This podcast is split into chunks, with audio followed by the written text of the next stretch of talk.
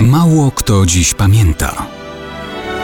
Datownik historyczny prezentuje Maciej Korkuć.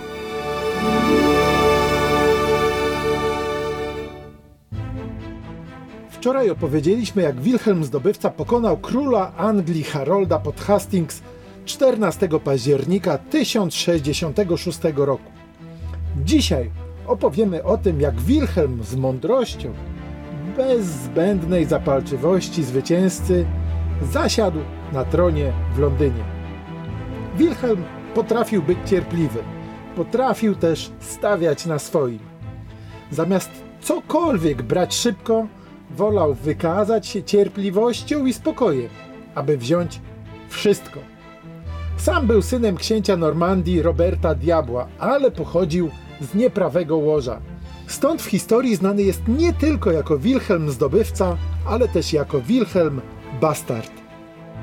Jego matką była Arletta, córka garbarza z Falezy. Ojciec jednak nie wzgardził nim. Oficjalnie uznał go za pełnoprawnego syna, co otwarło Wilhelmowi drogę na tron książęcy w Normandii. Kiedy na nim zasiadł, miał zaledwie 7 lat. Baronowie próbowali go lekceważyć i jako nieletniego, i jako bękarta.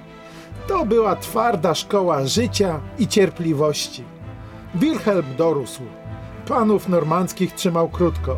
Normandii zapewnił siłę i dostatek. Kiedy w czasie najazdu na Anglię pod Hastings pokonał króla Harolda i rozbił jego wojska, poszedł na Londyn. Mógł wziąć siłą i miasto, i tron. Ale po co? Miasto okrążył, opustoszył wszystkie okolice i czekał cierpliwie, aż samo mu się podda. Wszak wojnę zaczął pod hasłem obrony jego własnych, choć dość wydumanych, praw do korony.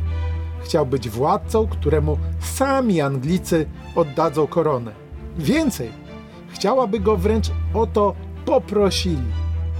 Po dwóch miesiącach Londyn skapitulował. Kiedy Anglicy oferowali mu tron, przeciągnął sprawę, pozorując, że musi to rozważyć.